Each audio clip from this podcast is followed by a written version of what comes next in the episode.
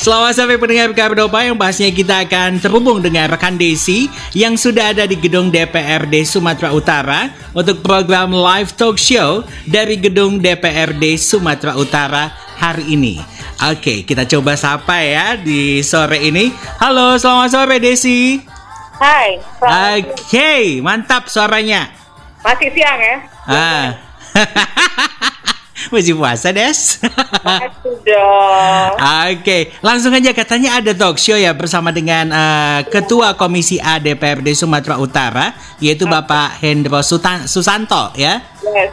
Oke, silakan rekan Desi. Baik, terima kasih David sudah memanggil saya sore hari ini. Tapi yang jelas pendengar Kardopa, seperti yang sudah kita informasikan, siang hari ini kita live langsung dari ruang rapat Komisi A DPRD Sumatera Utara dan pastinya kita mau ngobrol sama Bapak Ketua Komisi A DPRD Sumatera Utara, ada Bapak Hendro Susanto. Tapi sebelumnya saya pengen ingetin kembali buat pendengar Kardopa di mana pun berada, jangan lupa untuk tetap jaga kesehatan Anda dan selalu mematuhi yang namanya protokol kesehatan ya tentunya agar terhindar dari virus COVID-19 ini. Jangan lupa 5M-nya David. David Unianti di studio, teman-teman pendengar Kadopa semuanya 5M, pakai masker, mencuci tangan, menjaga jarak, menjauhi kerumunan dan mengurangi mobilitas tentunya. Dan di program spesial dialog kali ini hari Jumat 7 Mei 2021 seperti yang sudah kita informasikan, kita live langsung dari ruang rapat Komisi A DPRD Sumatera Utara dan bersama saya sekarang sudah ada uh, Bapak Hendro Susanto, Ketua Komisi A DPRD Sumatera Utara. Selamat siang, Bapak. Selamat siang, Assalamualaikum warahmatullahi wabarakatuh. Salam sejahtera untuk kita semua dan doa kita untuk semua warga Sumatera Utara, sehat walafiat dan untuk Mbak uh, acara Kordopa hari ini semoga tetap sukses, semangat walaupun Ramadan hari ini sudah yang hari ke-25, mm -hmm. kita terus semangat dalam menunaikan tugas-tugas kita. Amin. Kita doakan semuanya sehat-sehat ya Pak ya. Bapak juga saya lihat sehat baru sholat Jumat kayaknya seger ya Semangat Pak, pokoknya. Ramadan bulan semangat. Lima hari lagi lebaran Pak, tetap ya. semangat pastinya ya. ya. Nah yang mau lebaran di kampung halaman ditahan dulu nih sepertinya terkait larangan mudik. Ya. Pak, uh, saya pengen tanya dulu nih ke Bapak. Saat ini sekarang lagi sibuk apa nih Pak? Program apa nih? Ya, kita di DPRD Provinsi Sumatera, Mbak, di bulan Ramadan ini tentu uh, aktivitas agenda rapat tetap berjalan, mm -hmm. pengawasan kami tetap berjalan, apalagi di era-era suasana Sumatera Utara yang mengalami kenaikan yang signifikan. Benar. Uh, pandeminya kita terus memantau pergerakan di rumah sakit, memantau masyarakat yang ini ada terpapar, mm -hmm. proses perawatan di rumah sakit dan terusnya, Mbak. Dan khususnya dalam lima hari menjelang Lebaran ini, kita ingin memastikan bahwa ketersediaan bahan pangan yang ada di Sumatera Utara cukup. Untuk lebih kurang 14,8 juta jiwa masyarakat di Sumatera Utara. Mm-hmm. Begitu, Mbak. Oke, okay. berarti ini secara tidak langsung terjun ke pasar-pasar tradisional atau gimana, Pak? Uh, kita kemarin ada beberapa hal kita lakukan checkpoint di pasar mm-hmm. tradisional. Cuman kalau kemarin kita pantau di beberapa titik, khususnya di saya, uh, ketersediaan bahan pangan masih uh, cukup ya? Cukup ya. Apalagi kemarin kan lalu Pak Menteri datang untuk mengecek kesediaan pangan yang ada di Sumatera Utara. Jadi okay. untuk masyarakat di Sumatera Utara tetap dengan posisi yang aman, mm-hmm. tetap kita prokes, apalagi ini pandemi belum berakhir. Belum berakhir. belum berakhir. Seperti Bapak informasikan tadi, kita mengalami kenaikan yang sangat signifikan ya Pak. Luar biasa Mbak. Ini saya dak dikduk nih Pak. Saya juga Pak. ya, kenapa dak dikduk? Uh, kita kondisi rumah sakit kita per tanggal 6 Mei 2021 full, ya? full Mbak. Mm-hmm saya kemarin sudah mengadvokasi lebih kurang ya dalam sepekan ini lebih kurang ada 10 pasien yang yang terpapar COVID. Okay. Baik itu personal maupun ada keluarga. Jadi kluster keluarga muncul dan personal juga muncul mbak okay. seperti itu. Dan yang kedua di rumah sakit juga memang eh, hampir tidak siap untuk untuk menerima lonjakan pasien ini.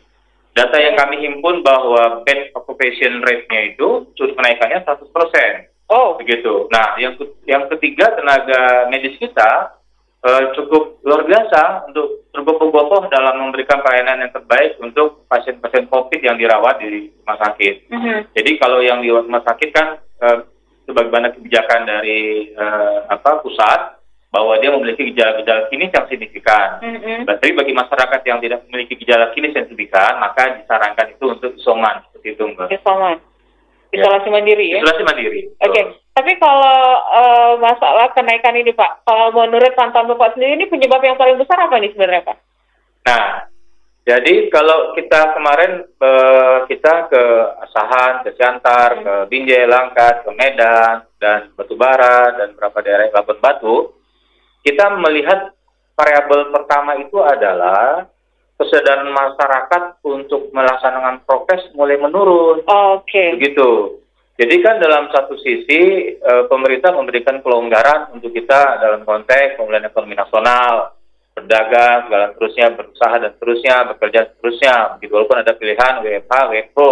Hmm. Tapi dalam konteks yang lainnya, masyarakat itu mengalami penurunan kesadaran dalam tanda kutip ya, terkait kes- kesadaran kolektif bahwa prokes itu harus tetap dilakukan, Mbak. Oke. Jadi masyarakat di lapangan tuh masih, mohon maaf, masih cuek, bahkan masa bodoh dianggap bahwa pandemi sudah berakhir. Hmm. Mungkin karena mereka jenuh atau mereka apa namanya bosan Bosan, segala ya. macam. Padahal dengan me- bukan mereka melaksanakan eh, 5M minimal pakai masker, Hmm. itu mereka men- meli- sedang berusaha untuk melindungi dirinya, melindungi orang-orang tercinta dan masyarakatnya seperti Masyarakat itu. Mbak. sekitar ya. Karena kan hari ini kita tidak, tidak tahu lagi bahwa siapa yang OTG dan seterusnya. Hmm. Yang kedua, variabelnya begini, ketika ada vaksin masuk, ya, itu juga masyarakat seolah berpikir oh, sudah divaksin.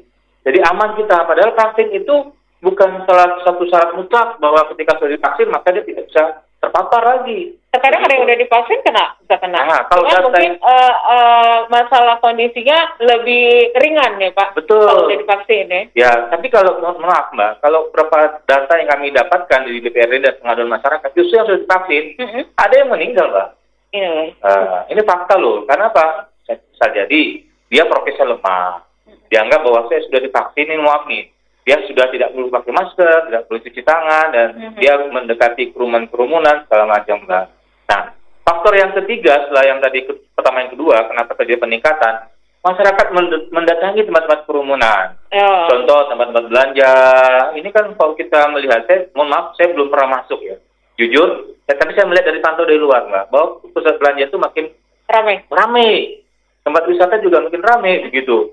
Nah, ini yang menjadi perhatian kita, apa keperhatian kita bahwa masyarakat jangan euforia. Kita nggak ingin seperti mohon maaf saudara tetangga kita yang ada di India. Ya. Variable mereka euforia bahwa mereka di the first wave eh, COVID-19 ini, mereka itu masuk satu juta orang divaksin dalam satu hari, India memberikan rekor positif dalam eh, WHO bahwa kecepatan dia untuk membangun vaksin. Tapi faktanya ketika ada per, apa seremonial tahunan di Seni Gangga, satu lebih kurang satu juta orang yang apa namanya berkerumun tanpa masker dan seterusnya, akhirnya hari ini India mengalami ledakan-ledakan Ledakan. atau bahasa tsunami atau the, Tsunami the second wave dari COVID-19 ini.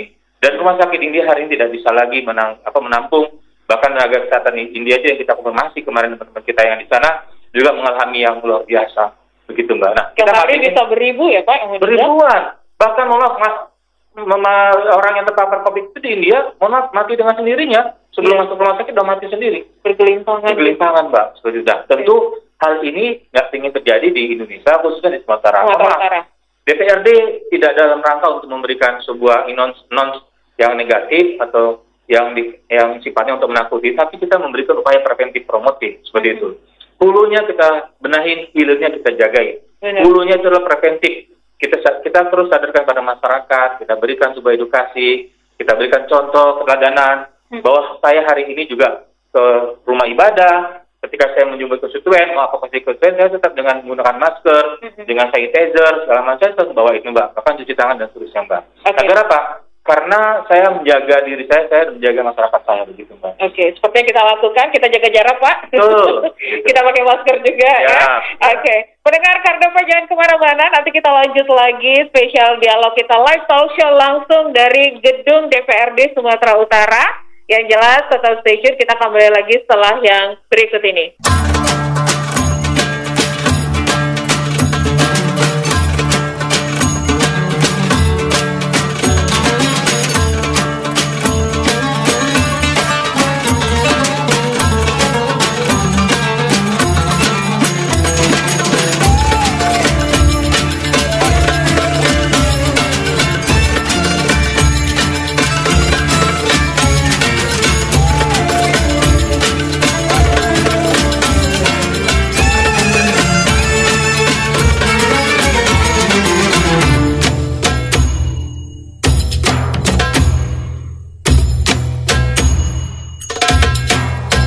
Marhaban Ya Ramadan, bulan penuh pengharapan dan penuh berkah.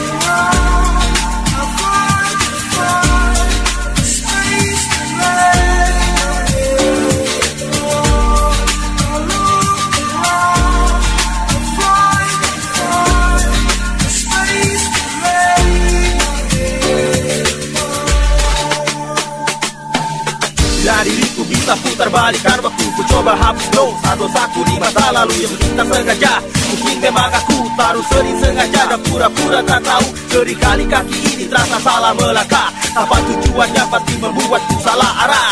Seringkali lidah ini salah berkata Membuat mana telinga orang yang mendengarnya. Lihat ada laut apa yang dia daci Coba buat hati, coba buat prestasi Orang biasa, aku bisa lupa.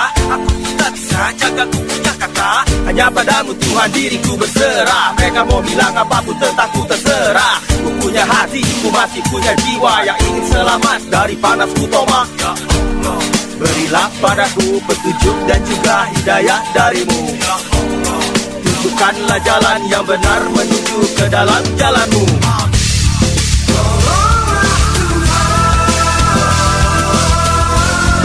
Bila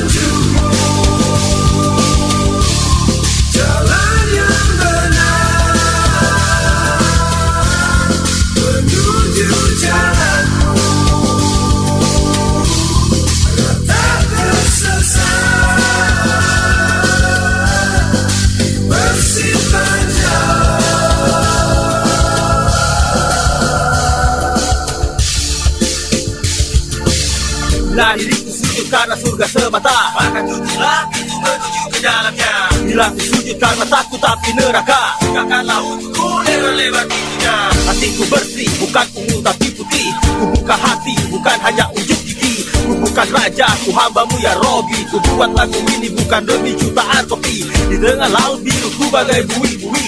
Ku manusia merasa bagai tanpa arti. Tanpamu ilahi, tanpamu ya Robi. Ku akan tersesat di jalan yang penuh duri. Ampuni aku ya Tuhan beriku izin. Untuk kembali ke jalanmu yang benar yang lazim. Karena kau ya Rahman, karena kau ya Rohim. Jauhkanlah diriku dari setan yang zolim. Berilah padaku petunjuk dan juga hidayah darimu Tunjukkanlah jalan yang benar menuju ke dalam jalanmu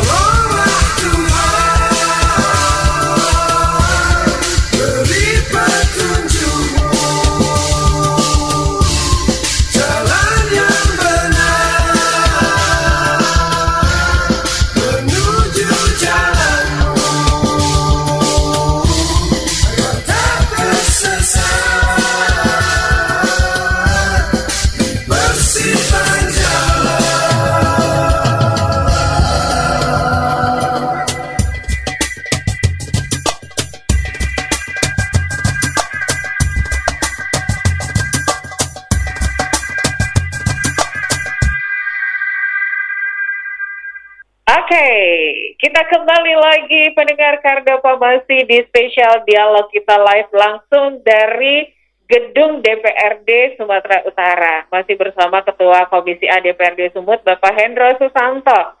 Pak, Ya. kita sedikit tanya dulu nih Pak, Siap. tentang bagaimana keamanan di Gedung DPRD Sumut sendiri Pak, dari segi penerapan prokesnya di lingkungan kantor nih Pak. Ya, makasih Mbak Desi dan pendengar Kardopa yang eh, berbahagia. Sejak pandemi ini masuk di Indonesia dan Sumatera Utara, kami di DPRD sudah berusaha untuk sungguh menerapkan protokol kesehatan di DPRD Provinsi Sumatera Utara. Jadi eh, dengan ada cuci tangan, terus pemeriksaan suhu, ya, termogan di pintu masuk, dan kita menjaga jarak di sini Mbak. Dan yang kedua, intensitas rapatnya juga kita eh, biasa kali malam-malam, ya mungkin kami sampai tidak terlalu malam, sehingga itu apa, memberikan apa namanya bagian dari kita untuk mendukung usaha-usaha untuk prokes. Yang berikutnya kita juga mem- apa, meminta kepada semua baik anggota, mau staf, mau ASN yang ada di DPRD Provinsi Sumatera Utara untuk senantiasa menggunakan masker seperti Mhm. itu. Karena ini masker ini adalah perlindungan pertama kita Benar. untuk upaya kita untuk kita preventif terhadap eh, COVID-19 ini, Mbak. Tapi sejauh ini bagaimana pandangan Komisi A DPRD Sumut terhadap pandemi COVID nih Pak? Ini kan ke suatu ketakutan tersendiri bukan hanya untuk Sumut tapi seluruh dunia nih Pak. Melanda seluruh dunia. Ada pendekatan gitu yang dilakukan Komisi A DPRD Sumut kepada masyarakat? Ya, jadi memang COVID ini kan sesuatu yang baru yang hadirnya itu tidak pernah kita rindukan dan kita mimpikan. Nggak mau Pak. Nggak mau merindukan ya, Pak. Bahkan kemarin tahunnya COVID ada apa player-player yang beredar ya kita nggak perlu memperingati setahunnya Ya. COVID karena Jangan pernah kata jangan pernah ucapin ulang tahun. Jangan pernah ulang ya karena bahaya terus Bahaya, Pak. terus terus bahaya juga gitu kan seperti itu. Yang kedua, bagaimanapun kita sebagai seorang anak manusia yang diberikan oleh Tuhan akal, untuk kita bagaimana upaya untuk beradaptasi. Bahwa virus ini ada, ya kan? Cuman kita dibutuhkan untuk eh, apa namanya memberikan solusi-solusi terhadap adaptasi-adaptasi mengantisipasi penyebaran dari virus ini. Virus COVID-19 ini memberikan dampak luar biasa dalam konteks sosial, ekonomi, pendidikan, eh, dan seterusnya, Mbak. Dalam konteks ekonomi, pertumbuhan kita terkontraksi di minus 3, sekian persen nasional. Walaupun Sumatera Utara terkontraksi 1, minus 1,07 persen. Oke. Artinya bahwa capaian-capaian di target 2020, baik itu pendapatan, segala macam, ini mengalami goncangan yang luar biasa. Penurunan Sehingga yang drastis. Penurunan drastis dan dampaknya bahwa belanja, seperti itu. Tapi bagaimanapun, kita tetap harus optimis bahwa ekonomi kita akan tumbuh eh, signifikan eh, up di, di luar eh, minus persen ini, seperti itu Mbak. Dengan ikhtiar yang kita gunakan untuk memberikan eh, memaksimalkan potensi-potensi pendapatan bagi pembangunan baik nasional maupun eh, provinsi seperti itu Sumatera. Utara khususnya. Dalam konteks sosial memang terjadi eh, sesuatu yang baru. Kita mohon maaf dulu kita berjabat tangan itu sesuatu yang bagian dari yang apa ya? eh, bagian kenikmatan, ketemu orang berjabat tangan, Benar. segala macam dan seterusnya. Hari ini juga kita membatasi hal itu.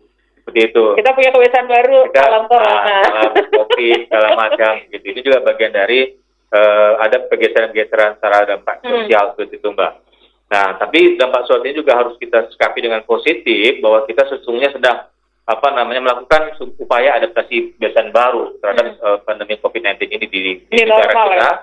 Ini normal ya bahasanya di Sumatera Utara khususnya. Nah yang ketiga dalam konteks pendidikan juga hampir sudah satu tahun setengah ini ya satu tahun ya satu, tahun lewat. tepatnya itu di Maret kalau salah ya di tahun lalu kita melakukan PJJ semuanya. Negara bertindak cepat untuk menstop apa namanya kegiatan belajar mengajar baik itu di sekolah pesantren dan seterusnya seperti itu. Nah, kita sudah masuk setahun. Nah, anak-anak juga sekarang dengan pembelajaran jarak jauh PJJ walaupun dalam konteks eh, SKB 4 Menteri, eh, 6 SKB 4 Menteri itu ada 6 indika- indikator yang bisa dilakukan untuk PTM dengan syarat-syarat ABC dan seterusnya. Manakala sebuah daerah itu dia tidak red zone, dia misalnya green zone segala macam. Tapi eh, apa namanya ini juga terjadi proses adaptasi terhadap pendidikan kita. Walaupun hari ini, Mbak, banyak masyarakat, ibu-ibu khususnya nih, para ibu-ibu yang ada Pada di Utara, pada komplain gitu loh, ya Bu ya, ya mama gitu. Ini anak kapan sekolah? Ini anak gitu. kapan sekolah segala macam begitu kan. Jadi eh, mereka saya kami saya aja mbak tiap hari itu ada masuk SMS WA Hmm. bahkan di medsos saya baik di Facebook saya di Instagram saya itu eh, Pak kapan sekolah? Pak kapan sekolah Kapan segala macam? sekolah kapan gitu. sekolah segala Kapan sekolah macam? ya, anak-anak ini Pak banyak main-main. Pulsa juga bayarnya nambah Pak. Paket yang dijadikan oleh pemerintah nggak turun-turun juga Pak segala macam. Banyak lah Mbak. Jadi Hmm. kita juga sudah melakukan komunikasi itu kepada Gubernur Sumatera Utara ke kepada semua pihak. Mm-mm. eh, dalam hari ini eh, pusat agar bagaimana dimungkinkan di nanti eh, dilakukan apa pembelajaran tetap muka PTM di tahun ajaran 2021-2022 tentu dengan eh, menerapkan standar protokol yang tinggi karena kita nggak ingin sekolah menjadi klaster baru penyebaran COVID-19 di Sumatera Utara seperti itu Mbak. Nah, eh, oleh karena itu Bapak Ibu sekalian, kita di DPRD terus bagian dari integral dalam pemerintahan daerah Provinsi Sumatera Utara untuk kita eh, bertugas di sektor hulu. Hulu. Hulunya itu adalah upaya kita untuk preventif, promotif, begitu Mbak. Mhm. Karena sektor hilirnya itu pada kuratif, rehabilitatif. Nah, Oke. hilir ini pasti ranahnya ranah kesehatan, ranah rumah sakit, dan terusnya, dan terusnya, seperti itu. Nah, hilir ini bisa kita lakukan eh, upaya-upaya untuk penye- penyerahan apa eh, minimalisir kalau hulunya kita maksimalkan. Nah, hulunya itu apa? Kesadaran kolektif dari masyarakat bahwa prokes itu adalah sebuah kewajiban kalau bahasa saya Ya, benar. Jadi- setuju, Pak. jangan lagi eh, apa eh, de- mena- tawar-menawar di prokes gitu loh. Karena tidak ada upaya yang lain selain kita untuk prokes gitu loh. Coba saya coba eh, menyampaikan sebuah eh, apa analogi. Kebayang tidak sebuah kabupaten kota yang masyarakatnya katakanlah misalnya Binjai, Mhm. saya dapil saya, ada 250 ribu eh, jiwa di sana. Kalau misalnya 10% saja dalam satu hari itu terpapar COVID, di mana mau dirawat pertanyaannya? Terus tenaga kesehatannya eh, berbanding lurus nggak dengan rasionya eh, pasien baru COVID? Terus ketersediaan dari bed, terus eh, medisnya dan seterusnya, terusnya. Itu kalau bisa 100%, satu persen saja itu luar biasa mbak. Nah, oleh karena itu kita berupaya untuk di sektor hulu DPRD ini hadir. Nah, makanya kami ketika kami reses, kami membatasi jumlah yang hadir, kita kami sosper, kami juga membatasi jumlah yang hadir, dan di situ kami memberikan nons ataupun edukasi-edukasi kepada masyarakat yang saya hormati. Ayo Pak, Bu, tetap jaga protokol kesehatan, kita bagi masker, sanitizer, bahkan kita Terjun memberikan langsung ke masyarakat. Iya, begitu Mbak. Jadi ini upaya kami untuk sektor hulunya, kita bersama-sama pemerintah untuk melakukan upaya edukatif kepada masyarakat. Begitu Mbak. Oke, oke. Tapi kan kalau kita lihat eh, di lapangan nih, Pak, banyak masih masyarakat yang ngebandel. Ya. Tidak mau pakai masker. Bapak aja kalau terjun ke pasar tradisional nih, Pak, Ya. banyak banget yang nggak pakai masker. Betul. Bagaimana pihak DPRD mengedukasi masyarakat terkait hal ini, Pak? Nah, pernah pengalaman pribadi nih Mbak ya, Hmm. Eh, saya eh, ini untuk pendengar Kardopa di mana pun Anda berada, khususnya di Sumatera Utara, kita menegur ya di apa pasar tradisional. Hmm. Kita dianggap yang asing, gitu. Bahkan kita dimusuhi oleh mereka, gitu. Ya. Bapak kalau mau pakai masker dan sini, kami sini kuat semuanya. Nah, begitu. saya bilang, ini tunggal tanggung jawab saya sebagai anggota dewan. Bahwa saya, ini masyarakat saya harus saya edukasi. Bapak, bagi penjual yang baik, pakailah masker, segala macam. Karena itu untuk Bapak juga, untuk orang yang Bapak cintai, istri, anak, dan keluarga. Terusnya, kalau Bapak terpapar, maka Bapak harus dilakukan perawatan. Berarti kan ekonomi Bapak terganggu. Ya. Nah, ketika saya ajak komunikasi begitu, dia berpikir, eh ya, kalau Bapak dirawat itu minimal 10 hari, berarti Bapak tidak ada pemasukan 10 hari. Tidak bekerja. Tidak bekerja. Tidak ada pemasukan. Bagaimana anak Bapak dan istri Bapak makan, segala macam. Nah, dengan masker, seharusnya Bapak telah men- menjaga mereka, orang-orang yang mencintai seperti itu. Akhirnya dia, saya kasih masker, dan juga dia, apa namanya, terima kasih Pak, sudah diingatkan saya pentingnya masker. Oke, berarti kalau eh, kalau saya lihat sendiri Pak di sini memang masyarakat Medan khususnya itu Iya. kurang edukasi. sebenarnya. Kalau edukasi saya rasa Udah eh, sih sebenarnya sudah cuma, banyak, Pak. cuma Ya, pendekatan. sudah, ah, Ah, pendekatan tadi. Ya, Oke. Nah, apa kalau semua pihak sudah dari Pokopimda, Kepolisian, tentara, dari teman-teman elektronik, media cetak, Sudah media sering menginformasikan. iya. Eh, radio saya suka dengar kalau perjalanan pulang, ya kan, Ya, pakai masker. kita juga masker, sering begitu info. kan. Heeh. Semua elemen masyarakat, pemuda, OKP juga terus melakukan upaya-upaya.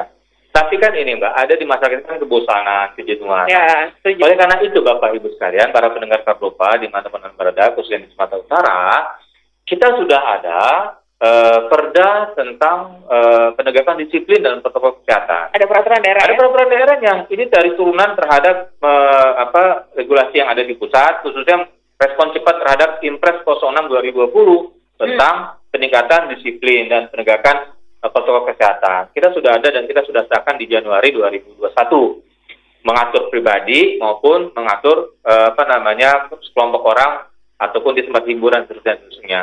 Hmm. Nah, yang melaksanakan perda ini kita sudah memberikan tugas itu kepada Satpol PP. Kami di Komisi A sudah lebih kurang 10 kali melakukan konsolidasi dengan, komisi, dengan Satpol PP dan untuk meminta kepada Satpol PP Sumatera Utara mengkonsolidasikan kepada Satpol PP se Sumatera Utara untuk dilakukan razia secara berkala. Mm-mm. Razia itu maksudnya eh, mengingatkan masyarakat dikala dia berkendaraan tidak pakai masker dan seterusnya. Di situ memang sanksinya eh, berjenjang, ya kan kalau dia Ada pribadi sanksi ya, ada sanksi seperti itu. Tapi eh, masyarakat juga hari ini ya, gitulah Mbak, kan nggak mungkin 24 jam kita awasi Mbak. Iya benar. Gitu loh. Emang kita nggak istirahat, Aha. ngawasin terus 24 jam. Jadi- yang ada kita yang tepar, Pak. Iya. gitu.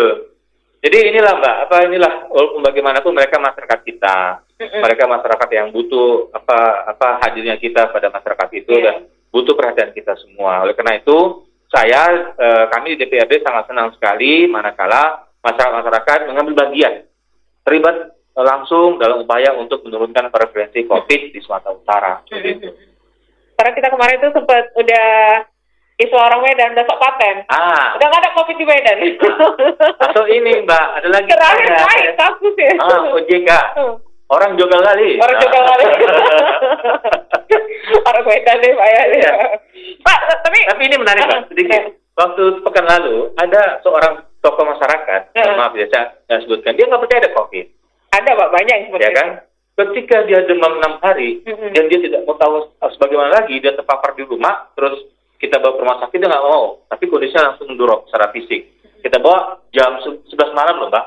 Hmm. Bayangkan Mbak, kami ini 24 jam diganggu loh. Maksudnya Oh. diganggu itu RID waktu kami itu oleh ketika ada masyarakat menyampaikan pengaduannya. siap siaga ya Pak. Ah, bukan diganggu yang negatif, diganggu yang positif ya Ah. gitu. Jam 3 malam jam jam 3 malam itu eh, saya ditelepon bahwa bapak ini dibawa ke rumah sakit A gitu karena kondisinya melemah segala macam. Hmm. Terus saya bilang antigen, ya kan? Antigen di antigen ternyata positif. Rumah sakit penuh saat itu. Akhirnya ada satu rumah sakit yang jam 2 malam itu menerima pasien, dilakukan eh, apa, apa pra- penanganan awal. Ternyata bapak ini ada komorbidnya. Oh. Nah, komorbidnya itu luar biasa, masalah pernapasannya, Mm-mm. respiratorinya kan, segala macam. Nah, sehingga jam 3 subuh kami harus mencari rumah sakit rujukan di Medan yang memiliki apa namanya ICU eh, COVID. Ah, luar biasa itu. Itu luar biasa. Luar Sehingga biasa, sampai jam 8 pagi lah baru datang, Mbak. Oh. Nah, Tapi kondisi Bapak gimana? Bapak kondisi itu bapak ini ya kesadarannya mulai menurun, tapi terus di rumah sakit yang tempat dia dirawat aw- eh, awal itu dilakukan upaya-upaya untuk preventif lah ya untuk penanganan medis sesuai dengan Hmm. SOP-nya begitu. Nah jam 8 itu dia dirujuk ke Medan dan sampai sekarang masih dirawat. Oke. Ternyata diketahui bahwa eh, dia komorbidnya luar biasa. Nah, sangat luar biasa sekali apresiasi pihak DPRD ini. ya begitu nah, yang lucu lagi nih, ya, ini mohon maaf, saya kan di sini tidak sebutkan mereknya ya, Ya, nama jangan sebut namanya ya. merek. Nanti kita suruh bayar, Tapi Pak. ini pengalaman pribadi loh, Mbak. Eh, Satu keluarga lapor, suami saya kena, Pak. Ya kan? Eh, terus, yaudah, kamu sama anak cek antigen rumah sakit. Positif juga. positif. Suami dirawat. Dirawat, dia jadi dirawat karena ruangnya itu juga memang terbatas rumah sakit itu untuk Mm-mm. ruang isolasi COVID. Ya kan? Dia sibuk lah segala macam. Akhirnya ketika dia tenggak tenang segala macam, dia akhirnya mengalami penurunan kesadaran. Oke. Eh, eh, saturasinya turun segala macam. Saya bilang Karena "Kamu panik pernah- tadi." panik tadi kan pernah segala macam. Ya kan? Nah setelah dia tiga hari dirawat, terus dia minta kamarnya dikosongkan, nggak boleh ada pasien COVID selain dia. Oh. Ya kan nggak bisa dong. Oh. Nah, terus akhirnya masuklah pasien bertambah. Dia, mohon maaf, dia malam itu dia eh, keluar dari rumah sakit dengan terpaksa karena dia tidak mau digabung dengan pasien COVID yang Oh. lainnya. Begitu. Nah, itu lucu loh. Lucu kenapa? Ini orang sedang sakit COVID dan dia ada komorbidnya, tapi dia mengambil keputusan yang yang menurut saya itu keputusan Berisiko. yang berisiko. Tandanya dia di rumah itu mengalami hal-hal yang nggak bisa tertolong oleh medis, Mm-mm. maka dia bisa meninggal dan seterusnya dan seterusnya begitu loh. Iya. Tapi saya pantau terus bagaimana perkembangan-perkembangan gitu. Tapi inilah masyarakat kita mbak, Ya. ya kan? Kita ya. hidup di tengah masyarakat yang eh, apa sih namanya bermacam-macam ya Pak. Betul. Ada yang percaya, ada yang tidak, Iya. ada yang jogal kali. ada juga kali gitu. Nah, saya juga pernah di sebuah, sebuah tempat ibadah, saya pakai masker, orang ngeliatin saya pakai masker, saya Ah. beribadah, saya bilang, ada apa? Ada yang salah apa? Begitu loh. Nah, bahkan mohon maaf, saya pernah menegur salah satu jamaah eh, sholat Jumat, Hmm. tahun lalu ya. Eh, terus saya eh, diberitakan yang negatif, padahal saya tidak bicara apa-apa. Saya bilang, Oh. pakai masker, pakai masker, dengan bahasa kode begini, Oh. nah, gitu loh. Nah, tapi namanya itulah kita berdemokrasi, kita sudah melakukan kebaikan, orang juga nggak puas dengan kebaikan kita. Artinya tetap kita fokus dengan kebaikan, tetap kita menjadi non-non influencer kebaikan, walaupun orang tidak suka, tapi kita telah memberikan yang terbaik untuk masyarakat kita. Oke, kita baik aja salah, cuman kita nggak baik. Betul. Serba salah Pak. Iya. Baik pendengar Kardopa jangan ke mana-mana, nanti kita lanjut lagi spesial dialog kita bersama Bapak Hendro Susanto dari Ketua Komisi ADPRD Sumut. Tetap aja stay terus di Radio Kardopa Berani, tampil beda.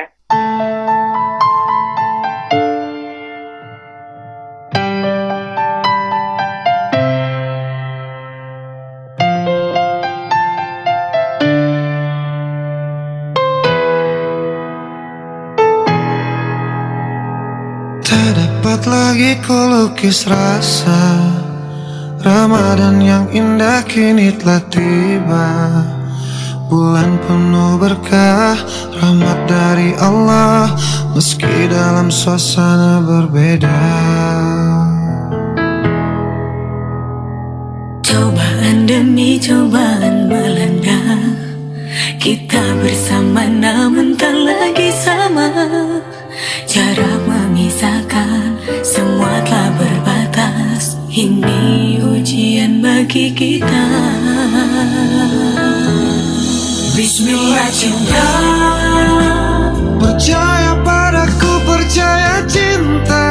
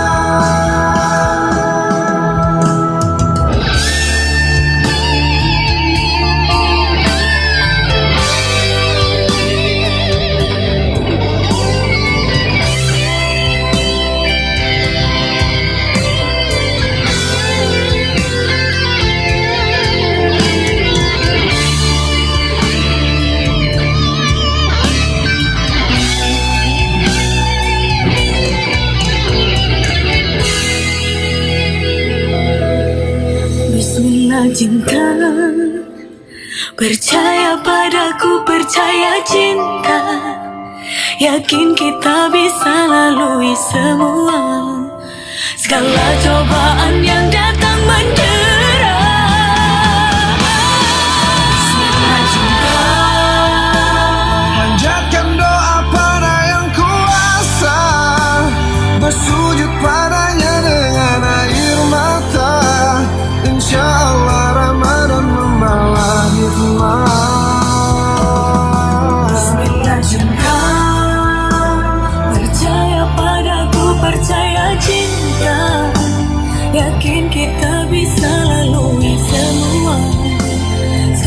Segala cobaan yang datang mendera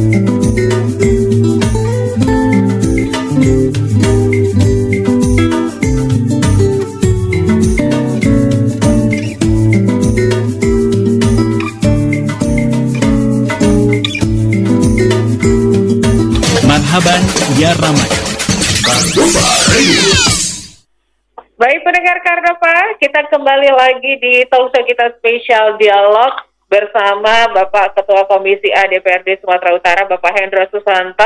Kita langsung live dari ruang rapat Komisi A DPRD Sumatera Utara ya. Tapi eh, Pak, kita balik lagi nih ngobrolin terkait COVID. Ya, Mbak Untuk Desi. mencegah penularan COVID lebih banyak lagi, salah satu instruksi dari Bapak Gubernur Sumatera Utara ini eh, adalah larangan mudik Betul. terkait dari larangan mudik ini. Ini gimana nih Pak? Pihak DPRD sendiri menyikapinya dari instruksi Bapak Gubsu Kitasi. Ya, eh, makasih Mbak Desi dan pendengar Kordopa di mana pun Anda berada, khususnya di Sumatera Utara. Jadi, eh, apa yang dilakukan oleh pemerintah itu adalah upaya untuk melindungi masyarakatnya. Itu prinsipnya. Tidak ada pemerintahan, baik eksekutif maupun legislatif, yang bertujuan untuk merugikan masyarakatnya. Yang kedua, kebijakan-kebijakan di Provinsi Sumatera Utara dari surat Pak Gubernur Sumatera Utara terhadap masyarakat di Sumatera Utara ini merupakan respon positif terhadap eh, apa namanya surat edaran SE dari Menteri Dalam Negeri yang nomor eh, 800 garing 2784 garing SY tentang eh, kegiatan eh, apa namanya selama eh, di bulan di bulan apa di bulan di bulan Syawal untuk tidak melakukan mudik seperti itu.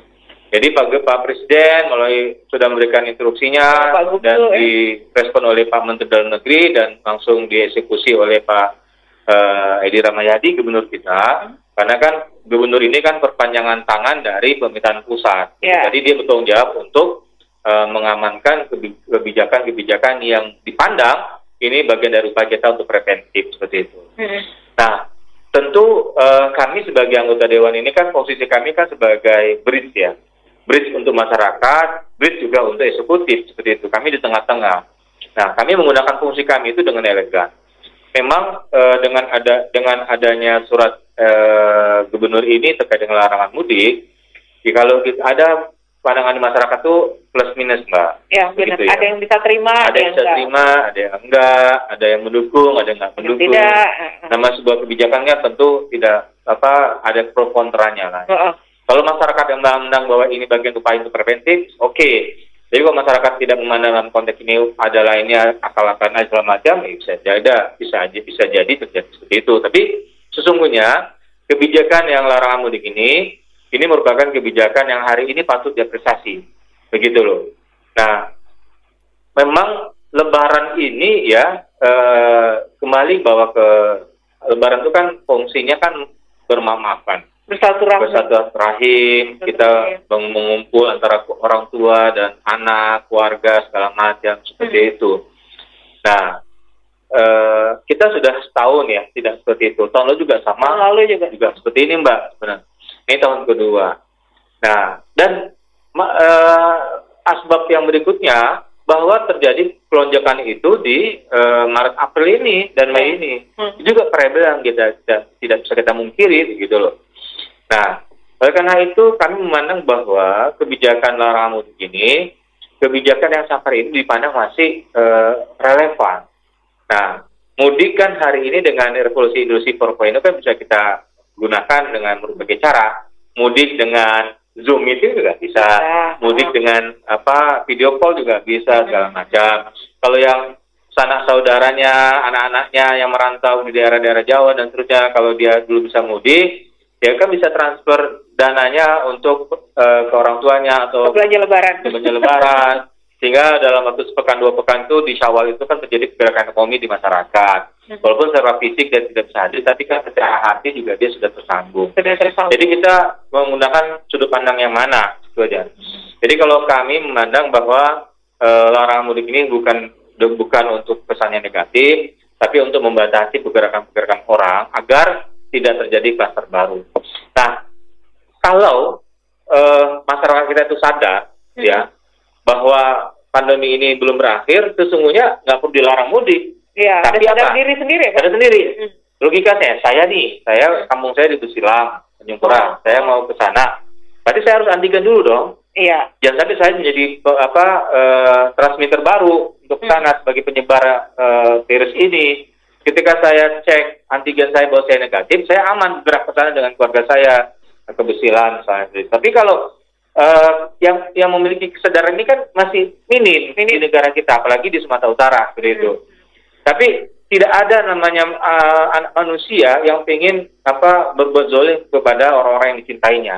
Nah, tapi eh, karena kesadaran itu belum muncul, belum secara signifikan, maka eh, pemerintah mengambil shortcutnya ya untuk melakukan pelarangan mudik yang sifatnya eh, temporer dan sementara. Ini sudah berlaku dari tanggal 6 kemarin, Pak. Ya sudah. Sudah. Kami juga kemarin sudah eh, langsung komisi A di lapangan ya Mhm. bersama Sudah kepolisian, ya dinas perhubungan segala macam. Ada yang disuruh balik? Ada suruh balik, termasuk saya juga. Oh. Tapi saya karena ada surat tugas, Hah? saya sedang melakukan pengawasan.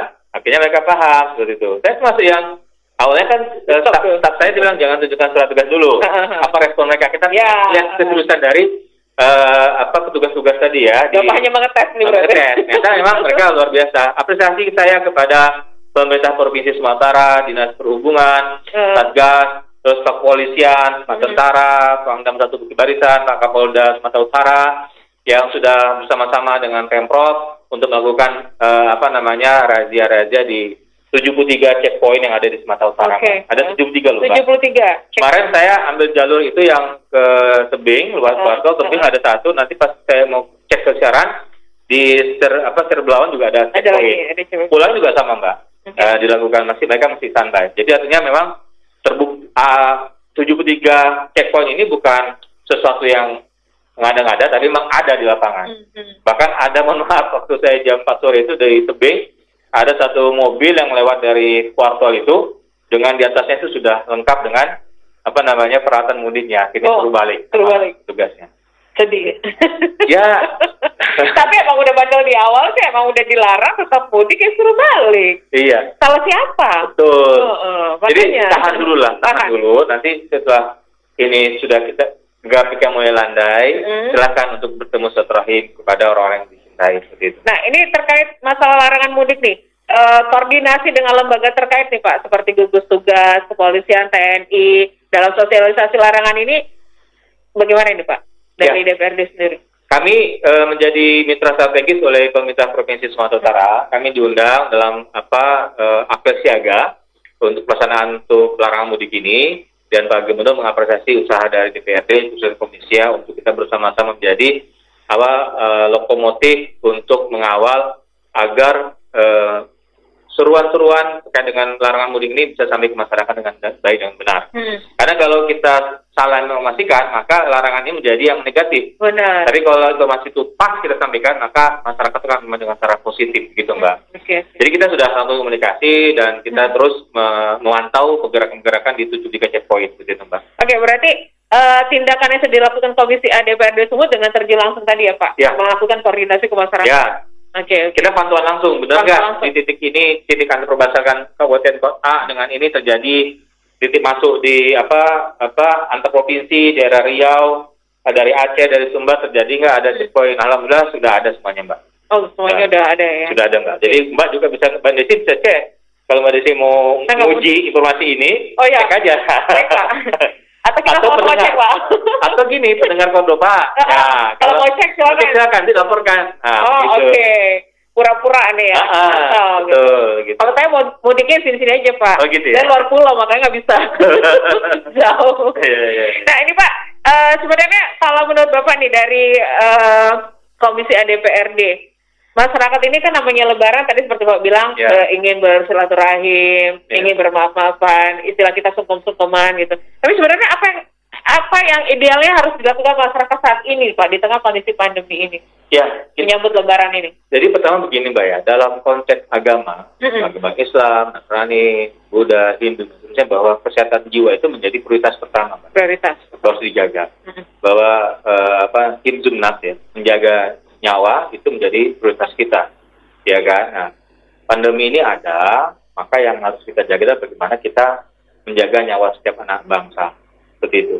Yang kedua ya Lebaran itu eh, dengan era pandemi ini kita beradaptasi dengan pandemi ini. Seperti itu. Mhm. artinya eh, waktu-waktu yang sakral di Syawal ini memang terasa berkurang kalau kita memaknai bahwa Syawal itu berkumpulnya semua sanak saudara, handetolan, orang terdekat dalam satu tempat. Tapi karena pandemi ini eh, tidak terjadi.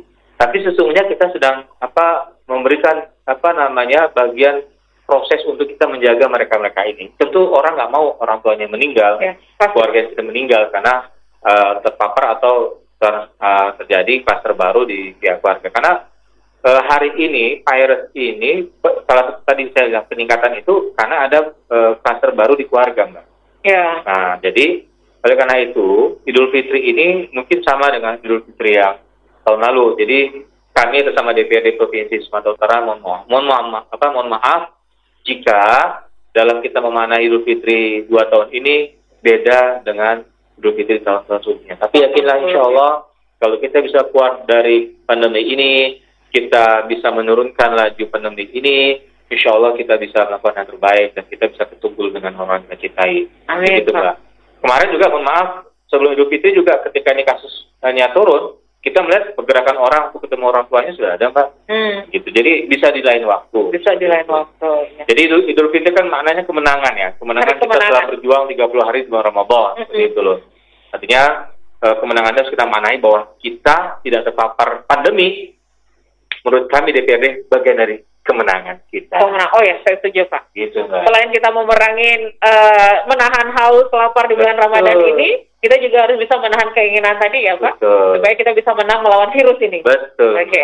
Pak, ini terkait sinergi DPRD Sumut dengan pemerintah daerah, provinsi, kota, kabupaten untuk sama-sama mengurangi COVID ini bagaimana Pak? Ya, eh, kemarin kita sudah berkomunikasi pada Pak Eksekutif ya melalui, melalui Komisi G untuk eh, tadi bahwa anggaran eh, pembenahan infrastruktur kesehatan tetap harus dijaga, nakesnya juga terjaga, insentif pada nakes juga terjaga, dan apa SOP SOP penanganan harus dijaga, dan kebutuhan-kebutuhan untuk pasien-pasien yang terpapar COVID ini juga harus terjaga. Memang ada beberapa daerah di Sumatera Utara ini yang yang belum siap kalau terjadi lonjakan-lonjakan. Nah, yang kedua, kita terus eh, Pak Gubernur kemarin juga setuju terkait dengan rumah sakit eh, rujukan provinsi. Kita fokus pada rumah sakit haji. Oke. Jadi nanti perhatian perhatian kita akan kita berikan di haji, rumah sakit haji, sehingga kalau nanti rujukan dari tingkat dua ini mengalami sebuah uh, peak season-nya, katakanlah ya, tapi insya Allah kita berharap tidak terjadi ya. Jadi bisa kita tampung di rumah sakit haji seperti itu Mbak, sehingga ha- haji menjadi fokus kita untuk menangani pasien-pasien uh, COVID, Covid. dari 33 kabupaten kota di Sumatera Oh, Utara, Mbak. oke. Gitu. Difokuskan, dikhususkan rumah sakit haji ya. Ya, nah juga kita kemarin juga mem- memberikan masukan kepada Pak Gubernur eh, untuk berkomunikasi konsolidasi secara masif kepada kepala daerah tingkat dua, bupati wali kota di Sumatera Utara Mhm. untuk mengecek eh, bornya, ya bed occupancy rate-nya, kesediaan eh, kamar-kamarnya yang ada di rumah sakit untuk bisa eh, diberikan slot yang memadai. Hmm, Jadi tidak semua harus dirujuk ke Medan, jadi Ya. dijegat dulu lah di tingkat duanya. Nah, kalau dia tanpa gejala klinis, dia bisa isoman. Hmm. Tapi kalau dia dengan gejala klinis, dia harus dilakukan upaya-upaya yang signifikan untuk memberikan pertolongan pada pasien COVID di rumah sakit. Mbak. Oke, baik Pak. Saling berkoordinasi ya Pak. Kali koordinasi insya Allah kita terus lakukan. Pak, ini yang terakhir nih Pak. Mungkin Bapak bisa mengajak masyarakat Medan, khususnya Sumatera Utara juga Pak. Himbauan dari Komisi ADPRD Sumut. Ya, Di tengah kondisi pandemi ini kita akan merayakan hari besar, ya. Hari Raya Idul Fitri. Mbak. Jadi eh, buat masyarakatku yang ada di Sumatera Utara, baik di Medan dan sekitarnya, baik ada di Labuan Batu dan sekitarnya, baik di Tabakse dan sekitarnya, baik di Pulau Nias dan sekitarnya, baik di Binjelangkat dan sekitarnya, baik di Karo dan sekitarnya, baik di Estapu dan sekitarnya, baik di eh, Batubara Asan dan sekitarnya, baik di, di Serdang dan sekitarnya, ya, baik di Semalungu dan sekitarnya, khususnya di Medan juga. Mari kami di DPRD Provinsi Sumatera mengajak pada diri kami dan kita semua untuk kita tetap uh, mematuhi protokol kesehatan seperti itu. Hmm, Yang kedua, sudah ada regulasi-regulasi yang sudah diterbitkan menjadi rujukan kita dalam melaksanakan apa kebijakan-kebijakan. Nah, hendaknya kepala daerah tingkat dua juga komitmen untuk melaksanakan protokol kesehatan. Ya, terkait dengan masalah jam malamnya dan seterusnya itu menjadi perhatian.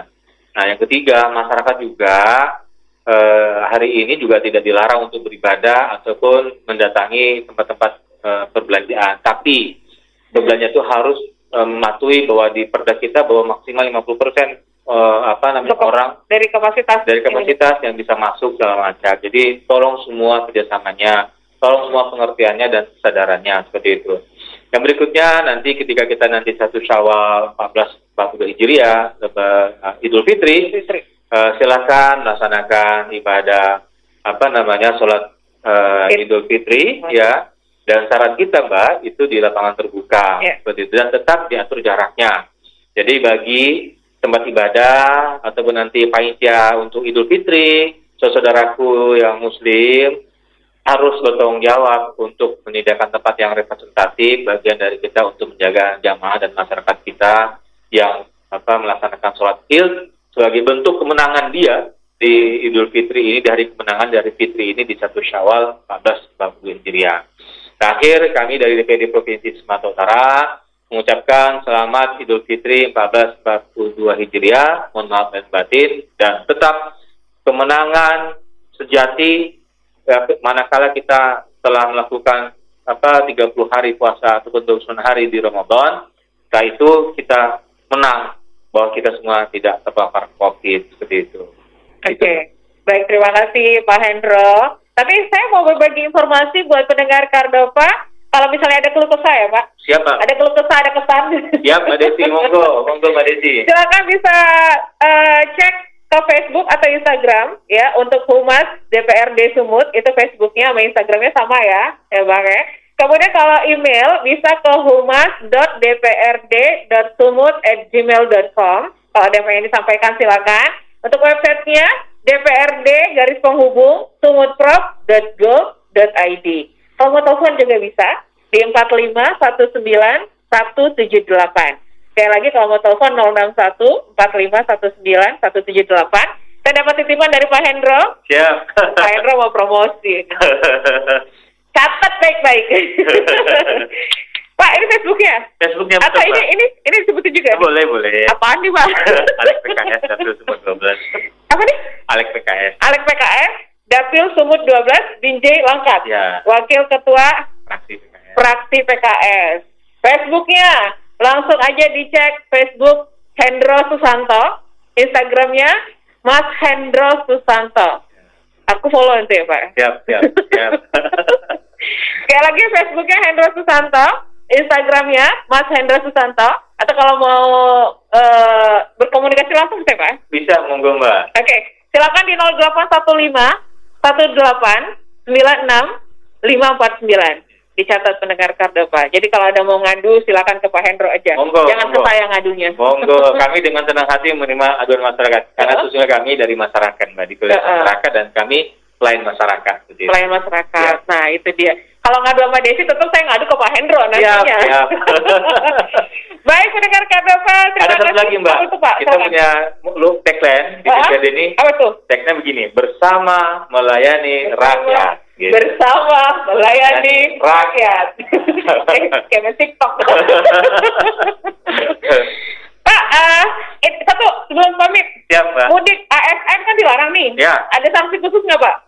Kalau ada ASN yang mudik, Eh. nanti kita akan memberikan masukan kepada BKD untuk diberikan eh, hukuman SP1. Oh, Karena ASN kita di sini DPRD, Gubernur, Wali Kota, ASN harus menjadi contoh yang baik, Ah, Oke. memiliki teladan bagi masyarakat kita, Mbak. Baik, terima kasih Pak Hendro waktunya sudah ngobrol bersama kita untuk siang hari ini di spesial dialog kita. Terima kasih juga pendengar Kardapa, terima kasih kebersamaannya. Jadi tadi informasinya semoga bisa bermanfaat untuk Anda semuanya. Yang jelas saya akan mengakhiri spesial dialog kita langsung live dari ruang rapat Komisi A DPRD Sumatera Utara. Sampai ketemu di lain kesempatan, saya Desi pamit, kita kembali studio. Selamat sore. Sorry.